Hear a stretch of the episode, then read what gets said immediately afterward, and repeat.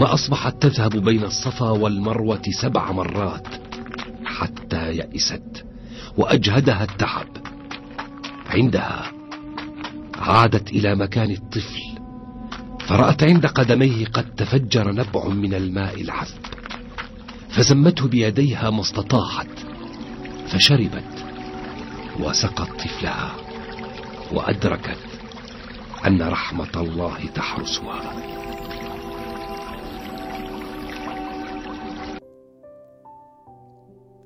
يا أهلا وسهلا. معكم آلاء في بودكاست هنا والآن. بنتكلم هنا والآن عن المشاعر والأفكار عن المواقف والخبرات. ليش هنا؟ لأن وين ما كنت هذا هو المكان المناسب. وليش الآن؟ لأن هذه هي اللحظة المناسبة. يقول الله سبحانه وتعالى وأن ليس للإنسان إلا ما سعى وأن سعيه سوف يرى. ويقول جلال الدين الرومي فليكن همك السعي لا الوصول. ويقول أدهم الشرقاوي الناس لا ترى إلا النتائج الله وحده يعلم مقدار السعي. في كل هذه الاقتباسات كان السعي هو الجوهر ومن وجهة نظري هو جوهر الحياة. بكل بساطة إحنا فطرنا على السعي والدليل أن كلمة السعي ذكرت بالقرآن ثلاثين مرة. مثلا وأول مثال أستشهد به قال تعالى وما خلقت الجن والإنس إلا ليعبدون. العبادة بحد ذاتها سعي. السعي للبقاء أو نزعة البقاء عن طريق السعي للمأكل والمشرب وما إلى ذلك. السعي لكسب الرزق. السعي للحصول على شهادة معينة. السعي للوصول إلى مكانة معينة. تخبطك بحد ذاته سعي. أنك تسعى لتعرف ما هو الشيء الذي تريده وما هو هدفك وما هي رسالتك في هذه الحياة. أيضا سعي. كلها مساعي باختلافاتها لكن بعض المساعي لها طرق ممهدة والبعض الآخر تحتاج لأن تمهد لها الطريق بدأت رحلة البحث بهذا السؤال وصرت أسأل اللي حولي بكل بساطة إيش تسعى له؟ وهل فعلا سعيت؟ الهدف موجود لكن هل سعيت للوصول له؟ ولو ما كان في هدف هل سعيت لتعرف ما هو هدفك؟ ما هي رسالتك في هذه الحياة؟ هل جربت؟ هل خرجت من منطقة راحتك؟ السؤال الأخير اللي جاء بعد رحلة البحث. هل السعي أهم من الهدف؟ في بداية الأمر أنا بدأت لكي أعمل الكفاف. يعني أنا موظف راتبي لا يكفي لتغطية مصاريف الحياة فبدأت أعمل أنه أبغى أرفع مستوى الدخل عندي. لكن ما كان عندي طموح معين أو هدف معين أني أوصل له.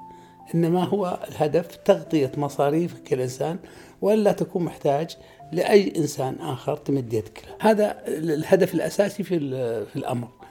ثم بدأنا آه، خطوة يعني خطوة بخطوة وبدأنا نجد أن الأمور تسير آه، بقدر الاجتهاد. كل ما تكون أنت تجتهد كل ما ربنا سبحانه إيش يزيدك في التوفيق ويزيدك في الرزق. فهذا صار دافع لأن الإنسان يفعل يعمل أكثر لكي يكسب لكن ليس العمل الضغط على نفسك بالعمل أنه هو يزيد رزقك. لا رزقك مكتوب ولكن أنت تسعى لتحصيله. هذا جدي ولما اخترت موضوع السعي أول مثال جاء على بالي قصة اللي كبرنا وإحنا نسمعها ونشوفها كمثال على العمل والجد والمثابرة والتضحيات. ومع ذلك مع تأكيده على أهمية العمل كان كل الجلسة يعيد ويكرر على أن الرزق على الله وما السعي إلا مسبب له. وحابة أكد على شغلة كثير أسمعها وكنت أقولها إيش أسوي وما أعرف الإيش أسعى ولا أعرف إيش هوايتي ولا أعرف إيش شغفي. إنك تحاول توصل للإجابة على هذه التساؤلات هذا بحد ذاته سعي. كلنا عندنا أحلام والبعض عنده أهداف محددة لكن ماذا عن السعي؟ الناس عالقين في أنا أبغى عند الرغبة. النية موجودة والهدف مكتوب لكن العبرة في الحركة. ولو كان شيء بسيط على قدر سعيك ستكون سعتك وهنا أوجه رسالة لكل شخص يشعر بالضياع ولا يعرف من وين يبدأ. يقول الطبيب النفسي فيكتور فرانكل الجميع لديه قدره الخاص ومهمة في هذه الحياة ويجب عليه إكمال هذه المهمة على أكمل وجه. ابدأ من حيث أنت. ابدأ هنا وابدأ الآن. لما تبدأ ستجد الإجابة. لما تجرب وتحاول ستجد الإجابة. ضع قدمك على الطريق والله وحده سيدلك. أحيانا ربي يسخر لك أشخاص ياخذون بيدك ويسخر لك المواقف والأحداث. سبق وذكرت أن جلال الدين الرومي قال فليكن همك السعي لا الوصول دائما ننظر للشخص الناجح عندما يصل إلى الجائزة. متجاهلين أو يمكن ناسين الرحلة اللي مر فيها. إيش الطريق اللي سلك والمطبات اللي واجهتها والحفر اللي وقع فيها ثم نهض حتى وصل. محطة الوصول الكل راح يشوفها ويشهدها لكن الكواليس السقوط والنهوض العمل والجهد هي اللي راح تصنعك قبل ما تصنع هدفك. وتخيل أنك من خلال رحلة السعي راح تتعلم وراح تتفاجأ وتكتشف ذاتك لدرجة أنك ممكن تغير الوجهة. من خلال رحلة السعي قد تتفتح أمامك أبواب لم تطرق عليها لأنه كما قال أدهم الشرقاوي الناس لا ترى إلا النتائج الله وحده يعلم مقدار السعي وعلى قدر سعيك سيرزقك. لذلك لما نقول اسعى مو معناته أنك تقضي وقتك كله عمل ولما نقول ارتاح مو معناته أنك تقضي وقتك كله راحة. التوازن مهم لا إفراط ولا تفريط. التوازن حياة. أشتغل نعم بالقدر اللي أقدر عليه وأرتاح أكيد بالقدر اللي أحتاجه لا أكثر ولا أقل. وهنا أحب أطمنك أن الوصول للقمة لا يحدث بيوم أو شهر أو سنة لا. اهدأ واطمئن وابدأ بروية. الشغل الزين ياخذ وقت. خذ وقتك وخذ بالك على نفسك. المعنى في الرحلة مو في النتيجة. في النهاية عندي لك أربع نصائح. أولا مو لازم تكون الأفضل. ثانيا ابدأ. مجرد ما تبدأ راح تتعلم. ثالثا صدقني أنت تفكر بتفاصيل كثير ما تسوى فلا تكثر من التفكير. رابعا الأشخاص اللي أنت شايل هم حكمهم عليك.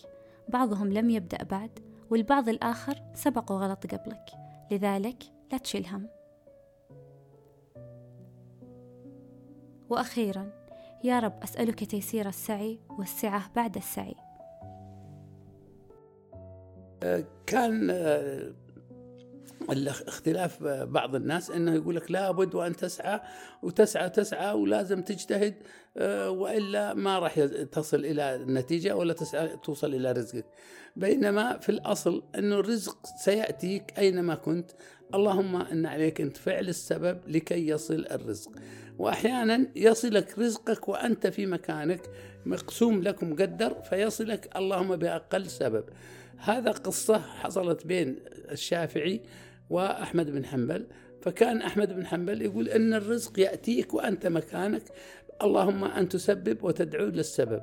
والشافعي كان يقول لا إذا لم تسعى لرزقك لن يأتيك رزقك. فكان بينهما خلاف في هذا الموضوع. فعندما اشتد الخلاف آه، الشافعي آه، ضاق ذرعا وخرج من أمام أمام شيخه. فخرج وهو في الطريق واجه شخص آه، كبير السن يحمل له متاع. والشافعي لا يدري ما, بهذا المتاع. فطلب من الشيخ أن يساعده فيحمل عنه هذا المتاع. فحمله الشافعي حتى وصل هذا الشيخ إلى المكان الذي هو يريده. فعندما وصل شكر الشافعي ثم أخرج آه، من هذا المتاع قليلا فأعطاه الشافعي ك يعني مساعدة للشافعي أنه حمل هذا المتاع له. فالشافعي فرح بأنه سعى فوجد هذا الشخص فحمل معه المتاع. عندما وصل أعطاه هذا الشخص جزاءه وهو الرزق أنه يقول إن هذا رزقي وأنا سعيت ووجدته. فأخذ هذا المتاع وكان قليلا من التمر. فرجع به إلى أحمد بن حنبل وهو جالس في مجلسه يدرس. فأعطاه التمر وقال له أنا أثبت لك أنني خرجت فسعيت فوجدت هذا الشخص فحملت له هذا السعي فلما وصل أعطاني هذا السعي. فهذا رزقي أعطاني إياه نتيجة أني سعيت لرزقي. فأخذ الشيخ أحمد بن حنبل منه التمر وحمد الله وقال وأنا جالس في مكاني رزقي أتاني